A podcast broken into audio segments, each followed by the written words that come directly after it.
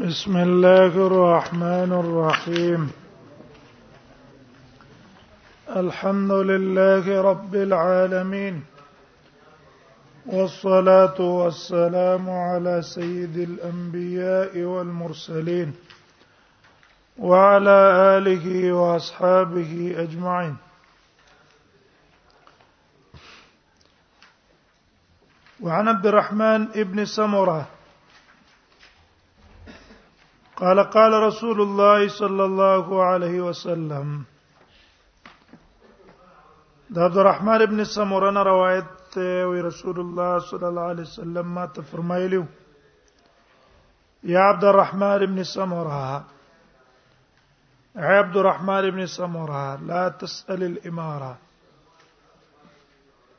تما سوال مکوا د امارتونو دا مو چانه دا مو وایا چې ما مشر کا یا امیر مقرر کا امارت باندې غواړي اکثر انسانان هم د امارت په زور کې دي جره بزامر شم فانك ان اوتیت عن مساله زکت چه انو تی تا کچرته درکړې شو تا ته د امارت عن مساله پس د سوال نه مطالبه د امارتونو کوله چې رضا امیر شمو ما مشر کې او زبداو کومو نو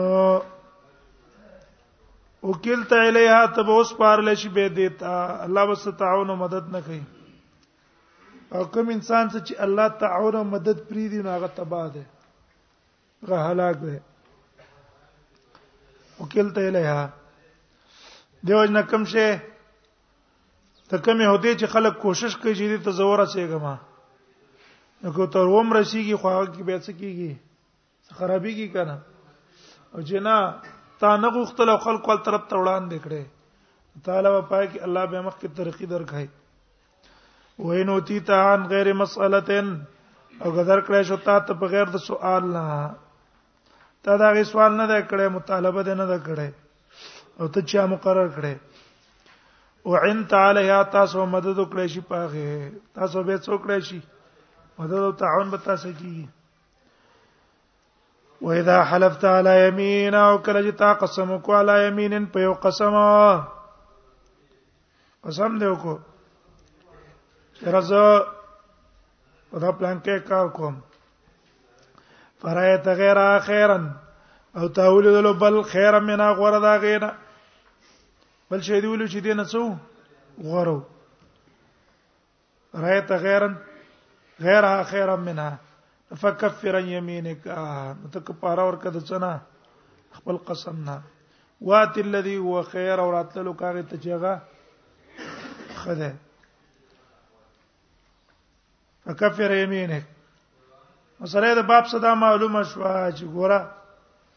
د یو کار نه تا قسم کړی دی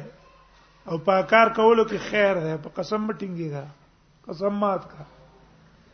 او که قسم دې کړی په یو کار چې دا به کومه خو کې خیر نشته په کولو کې به دې قسم و پام کوه که پاره ورکه خیر دی هغه به کفاره مونږ ویل چې شوافع او د جمهور او د احناف په منځ کې اختلاف راجع قول دا دی چې دونه جایز دي ځکه څه پکې راغلي د سنت پکې راغلي دا قول د جمهور راجح ده کفاره قبل الحنسم جایز ده او بعد الحنسم جایز ده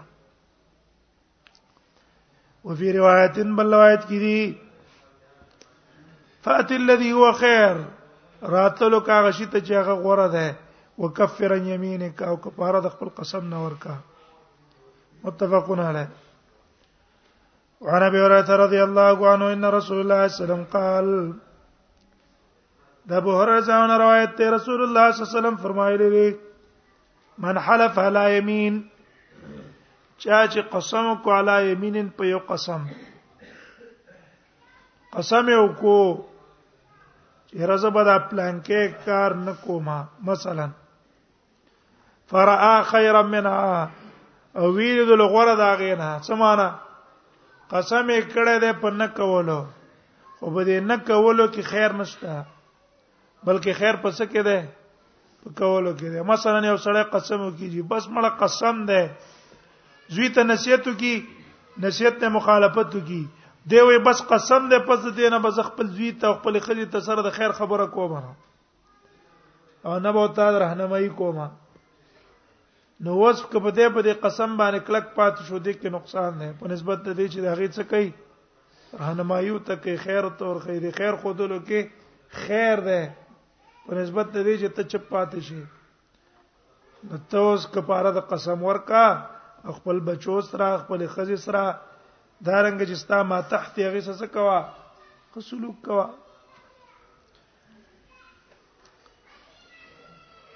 نف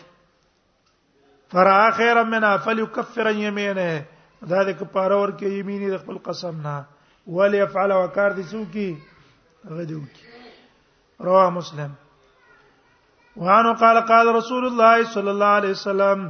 نبی صلی الله علیه وسلم فرمای والله لن یلج احدکم بیمینه قسم په الله لئن یلج چې کلک پاتې شي او تن یلج جوانا څه دا صبر کول لجاج نه ماخوذ ده کنه لجاج څه توي په شی باندې کلک پاتې کېدل چې کلک پاتې شي او تن تاسو په خپل قسم فی اهلی چې دا قسم یې کړی په بار د خپل اهل کې مردا قسم یې کړی مثلا چې قسم دې زبر بس خزي ته د خیر خبره نه کوم بچو تبخه خبره نه کوم نه وته نه کوي امر کوم په دې باندې پاتې شي نو سباو کې وی آثم دا ډیر ګناه کې واقع کون کې دی دلرا آثمو ډیر واقع کون کې دی دلرا په ګناه کې عند الله د الله په نسبت باندې من په نسبت د دې ان يعطي کفارته هو چې ورکی کفاره د دې قسم التي غا افترض الله عليه چې کوم په الله مقرر کړی دا سمانا ګوره دا قسم ما ته ولکم ګناه د تخکاری دی وې کوس قسم مات کوم زه څه کېګم وننګارې کوم قرآن کې دي چې واحفظوا ایمانکم د خپل قسمونو حفاظت وکړئ نو ټیک د په دې قسم ماتول کې هم ته ګناه یې لیکن په دې قسم باندې کلک پات کېدل کې ګناه ډیره د په نسبت ده ماتولو خیر قسم مات کا کفاره ور کا د کفاره سبب ګناه د قسم څه شي اورجیږي لیکن د دې بلې ګناه خو څه کفاره خو نشته کنه دا معنا شو ان یلج په معنا د کلک پاتې کېدل وانو قال قال رسول الله صلی الله علیه وسلم نبی صلی الله علیه وسلم فرمایلی دی یمینو کس ستا قسم چی وای علا ما یصدقک هغه باندې به چې تصدیق کوي پاغي صاحب کستا صاحبہ دا مسله د علماء تر استری ده یمینا الیمین علی نیت المستحلف تعالی سو قسم درکې په کومه خبره دا غنیت لوي اعتباري اگر کدی قسم کې تنور نیتونه کې هغه له اعتبار نه په خوا خلکو د قصې دوکې کوله یو تن برا اولګې دلو د پردیس مکه به اونې ولا د دروغ دعوه به پیو کې جداز مها ده دا څه ده لازمه ده قاضي ته براغه نو دې وطن کې د اطرافو کې چې کمی کنه د اطرافو کې د مولیان فیصله مسلې چې کوي نو دا خلق ول راضي داوی او تورخی چې ګوره دا نقطه کې ده دا نقطه کې ده نو ته به د خلکو دا داونه وزي ځکه د فقہ کې خورشه شته کنه څه پکې شته دې کتابونو کې هر شی شته کم چې رستو جوړ شوی دي طریقه ته د غلام درخې چې د سی بغلا کې او هغه کس ته وی چې غل بنی سی دلته او تکې نه شي بنی سیم نو طریقه د غل خودله متخی او د غلا طریقه هم پکې خی واړه کار کوي نو دا نقطې په کې لیکلي نو قاضي ته بسړی راغی نو ته به د شک د شکارو کا چې ته خو منکرې سړي در باندې دعوا ده دا زما کزما ده ته منکرې ته چې نه دا پښتانه ده ته دا قسم در کې یا څه ګوان نشته نو ته به د چلو کې چې زما کې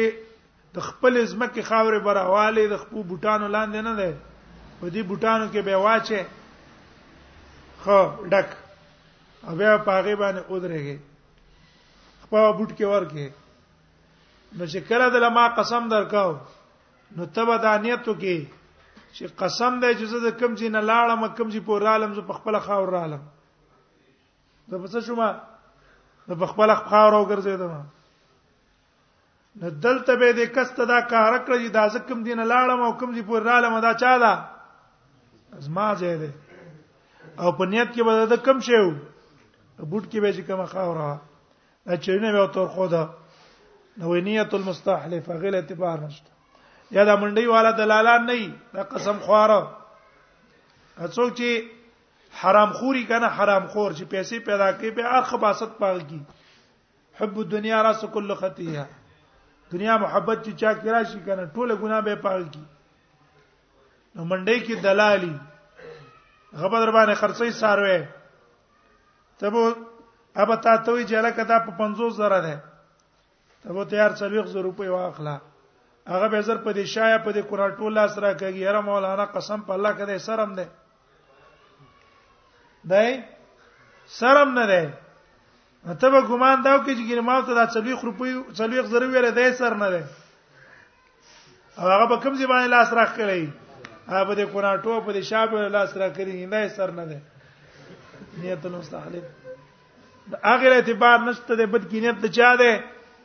سم ورکون کې اعتبار ده علانیت المستحلف ده یمینو کا استا قسم چې ده دا به حمل علامه یصدقک علی صاحبک ورمنګ دا علما چې کمی کنه دا طالبان مولیان دا اکثر د چې پاک ماحول کې پاتې الله او رسول د خبرو سره واسطه دی وی کوم یو خبره کو صحیح بای بل چې موږ ته څوک وي به مرشتي هي دیو نظر څه کیږي زردو کیږي ځکه نبی صلی الله علیه وسلم فرمای وي مؤمن سړی چې د کل جمل الانف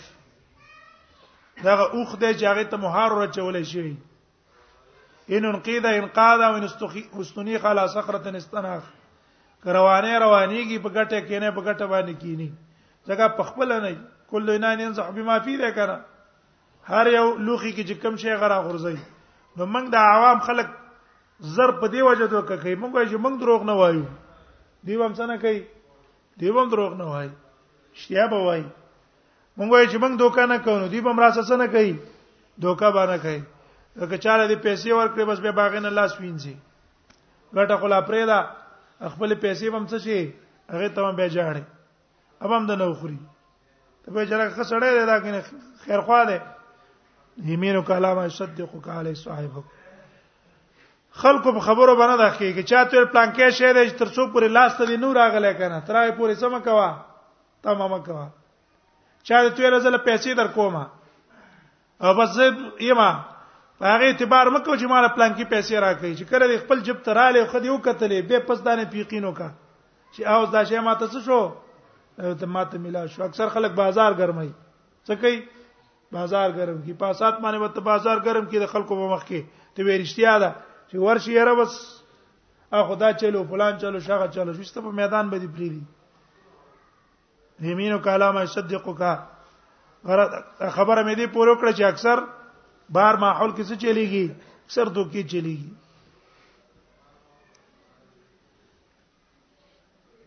وعانو قال قال رسول الله صلی الله علیه وسلم نبی صلی الله علیه وسلم فرمایي الیمین علی نیه المستحلف قسم په نیت د مستحلف یم دغه معنی شو وانا عائشه قالت انزلت هذه الايه واذا راغ لا يواخذكم الله باللغو فيما ایمانکم في قول الرجل لا والله وبلا والله قسمونه درې قسمه دي یو ته ویل کیږي یمین غموس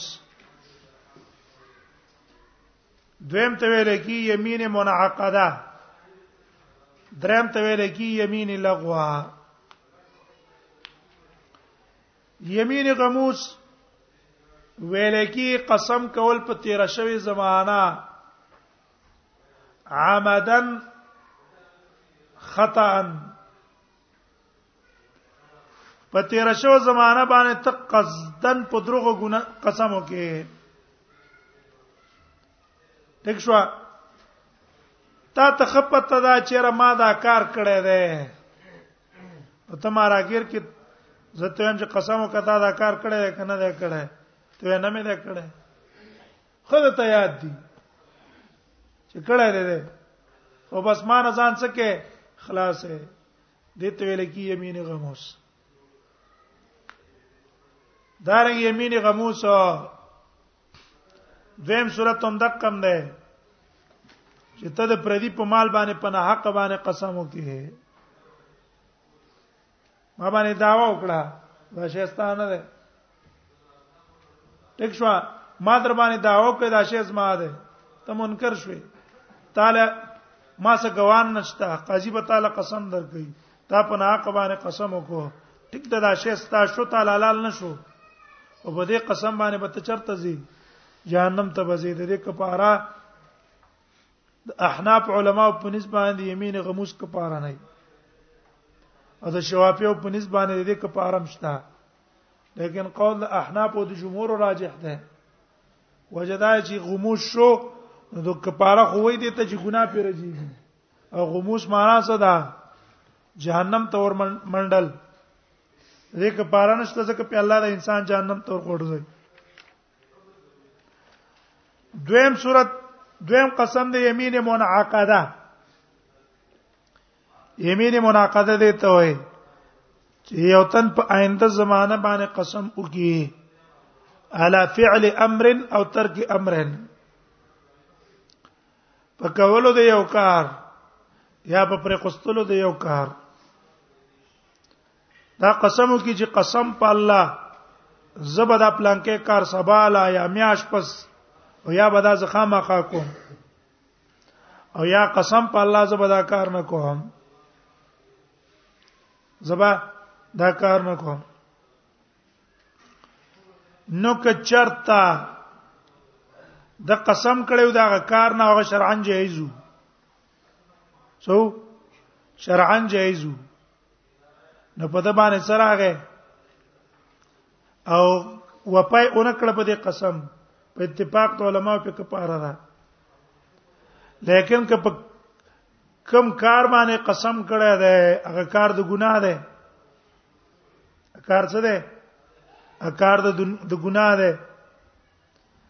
او د قسم کړی زبا دا کار خامخا کوم او د بیا هغه کار اونکړو د شرع د مخالفت د وجه نه نو آیا په دې صورت کې په کفارشت کنه په دې صورت کې په کفارشت او کنه نو د احناف او د جمهور علما په نسبت باندې کفاره پښتا ته پښتا کفاره پښتا او د شوافع په نسبت باندې په دې صورت کې د باندې کفاره نشته ځکه دا قسم د ګناه دی د ګناه قسم له اعتبار نه وي دریم صورت دریم قسم یمین لغوا ده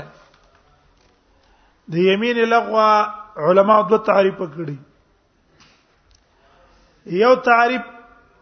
د عبد الله ابن مسعود نه نقل له او هغه باندې قول امام بونی فرحم الله کړه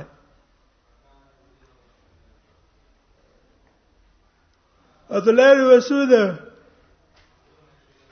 هغه یې ویل لغوه وای دي ته چې سړی په تیر شوی زمانہ باندې قسم وکي خطان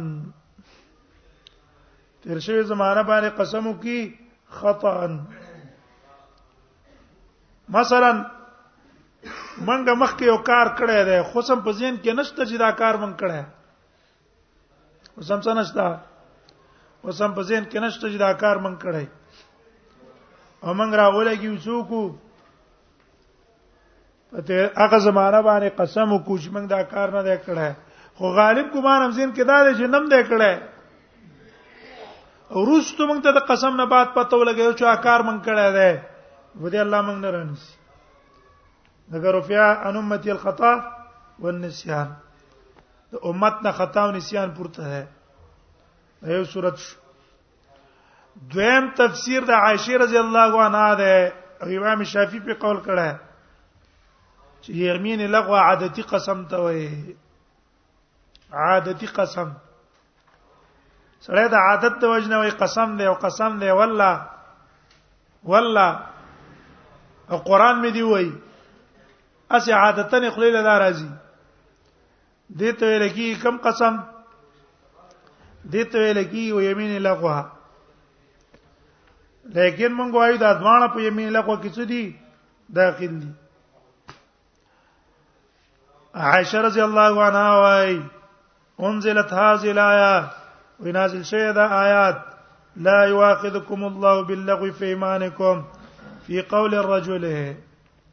په قول د سړی کې جلا والله وبلا والله دا څنګه د قسم په الله وبلا دا څنګه د قسم په الله رواه البخاري وفي شرح السنه لفظ المصابيح وقال ودیوی چې رفعوا بعض من عائشه چا دا قول د عائشه رسول الله ته مرفوع کړه لیکن که مرفوع هم نشي دا موقوف په منزله د مرفوع ده ځکه دا د قبيله د اجتهاداتو نه نه ده د اجتهاد د قبيله نه چې نشونه دا په منزله د چا شو په منزله د مرفوع شو الفصل الثاني نبي هريره رضي الله عنه قال قال رسول الله صلى الله عليه وسلم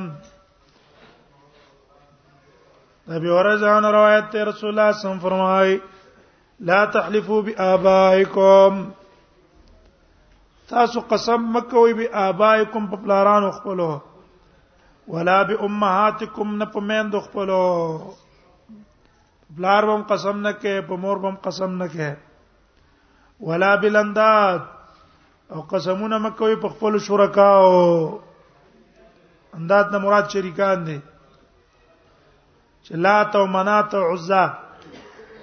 دیو قسم نه کوي ولا تحلفوا بالله تاسو به قسم نه کوي په الله تعالی باندې الا وانتم صادقون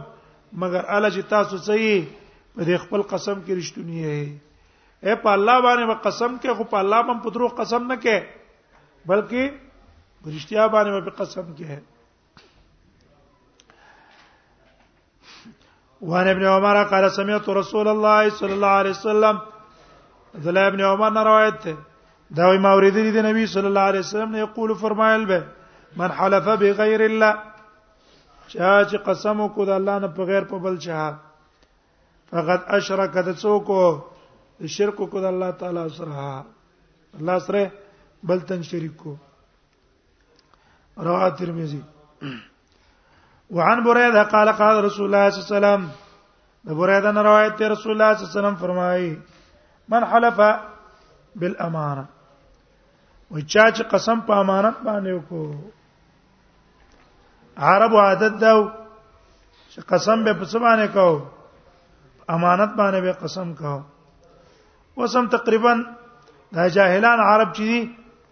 دا طالب قسم په امانت درکې څه خبر او څوک د تبوي امانه مثال په امانت قسمي تبوي امانه انا په امانت مې د قسمي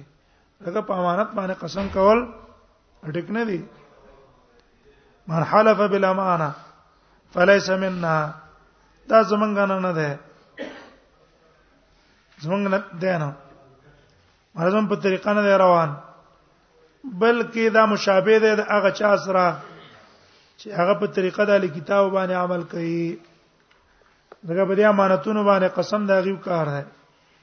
او د جاهلانو کار دی وانو قال قال رسول الله صلی الله علیه وسلم نبی صلی الله علیه وسلم فرمایلی من قال او چا چې په قسم کې ویلو انی بری ام من الاسلام زب بیزار مې اسلام نه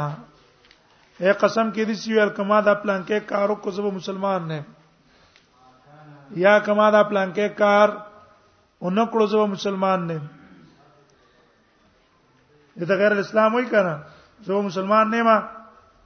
ما نه یا به کافر ما یا به يهودي ما نو فإن كان كاذبا که چرته ده په خپل قسم کې دروغ جنو او هو کما قال دې برشتي هم د قصي مسلمان بنئ ټیک شو باقي مخکې مونږ ویلو چې دا په حقیقت باندې بنا ده او کدا په زجر او په تهدید باندې بنا ده ډېر علما دا محمول کړي ده په زجر او په تهدید باندې وان کان صادقا او که چرته رښتونه په قسم کې فلن يرجع الى الاسلام سالما اس کله برا واپس نشي چاته اسلام ته سالما روغ اسلام ته روغ نشي راتله خامخا به د کی سره غلې د کی به نقصان او خدشه به رواه ابو داود والنسائي وابن ماجه امام ابو داود صاحب نے ماجه دا روایت نقل کړه ہے ونبي سيد الخدري قال كان رسول الله صلى الله عليه وسلم اذا اجتهد في اليمين رسول الله صلی الله علیه وسلم بچ کلم کوشش کو په قسم کې زشتاده معنا څه د مبالغه به کوله په مضبوطوالي د قسم کې چې راځه مضبوط قسم وکما قال دا به الله والذي نفسه بالقاسم دا سنه چې نه دا داسې قسم مې دی په غزاد چې روح د ابو القاسم صلی الله علیه وسلم دا په لاس کې ده دا خبره به چوکړه دا به نبی سم مضبوط قسم رواه ابو داود وعن ابي هريره قالت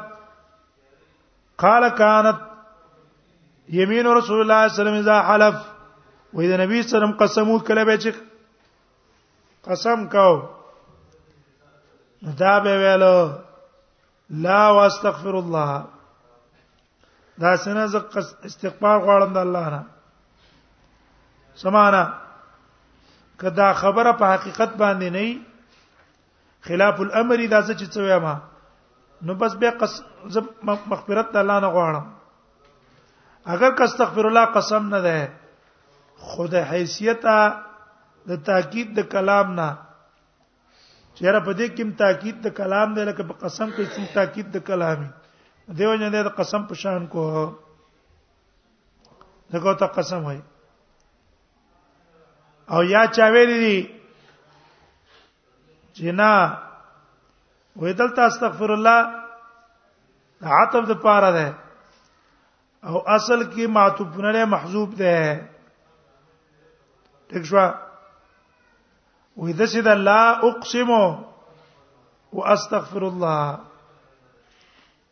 لا اقسم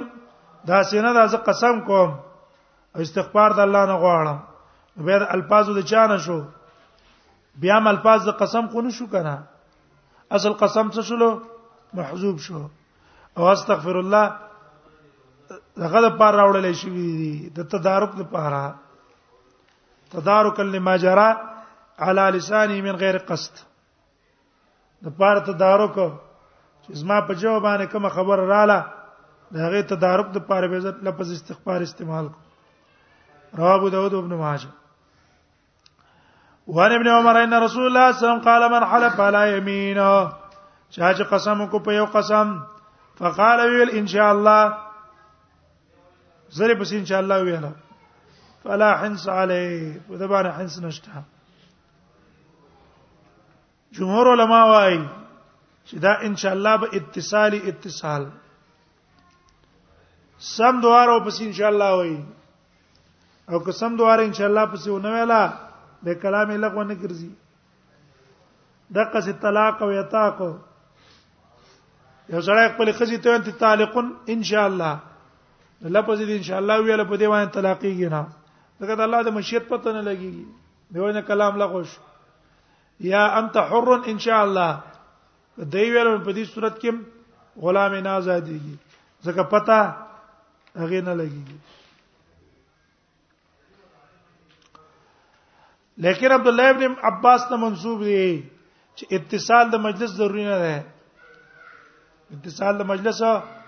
ضروری نه ده کورستم بس ان شاء الله ویاله دي ان شاء الله سه قسم لغو کیږي نو به یو قول ته نقل یو ورځ بل د مجلس یو قول ته د کال لیکن دا نسبت عبد الله ابن عباس ته صحیح نه دی ولی چې یو کال پورې خبره شینو بیا خو یو عقود پاتې نشو یو بسړې خزه طلاقې ورسته دې پس ان شاء الله وي خبره ختميږي غلام دی وای آزاد چې رستو په خپه شو زر دې پس ان شاء الله وي نه څه بکیږي خبره بل لکه کیږي کنه دیو جنا قول کمزورې ده راجع قول دا ده چې اتصال ان شاء الله پس کی دغه مجلس کی اور عمر ان رسول الله صلی الله علیه وسلم قال نبی صلی الله علیه وسلم فرمای من حلف علی یمین چا چې قسم وکړ علی یمین په یو قسم فقال ان شاء الله فلا حنس علی په دبان حنس نشته رواه ترمذی او ابو داود او نسائی او نواج امام ترمذی ابو داود نسائی ابن ماجه نقل کړه دارمی نقل کړه وذکر ترمذی جماعه او ذکر کړه امام ترمذی او جماعت وقفو والا چې هغه موقوف کړه دا په عبد الله ابن عمر دا عبد الله ابن عمر قول ده لیکن دا موقوفم په منزله مرفوع ده دغه به کرای اجتهاد نه چلیږي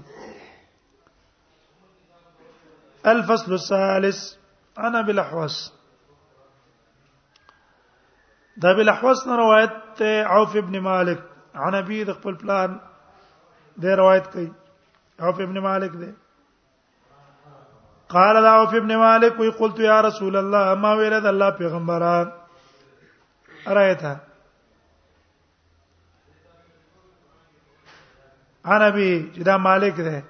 قال دا مالک وی قلت ما ویل دا الله پیغمبره ارایت ابن عم لي خبر راک په بار د ترزوی زما کې آتی وې زه د خپل ترزوی تراشم اساله یو شی تی غواړم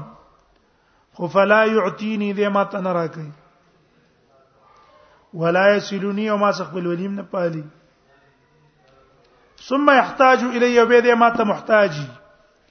فياتيني ما تراش فيسالني ازمان شي غواړي وقد حلبت ما قسم کړی الله عتی او جزا هم دلڅنه ور کوم مال خو درا نه کړ قسم به جزا هم دلڅنه کومه نه به در کومه اوس بچ کوم ولا اصله او ما قسم هم دا کړی زب خپل ولینه پالم فامرني نو ماته حکم وکړو ان ات الذي هو خير چې زرات لکم هغه شي ته چې غوړه ده او کفر یمینه د خپل قسم نه بچ کومه کفاره ور کومه معنی دا رکه تا قسم کړي قسم مات کا دا غس خپل ولیم پالا تبرع احسان مسکوا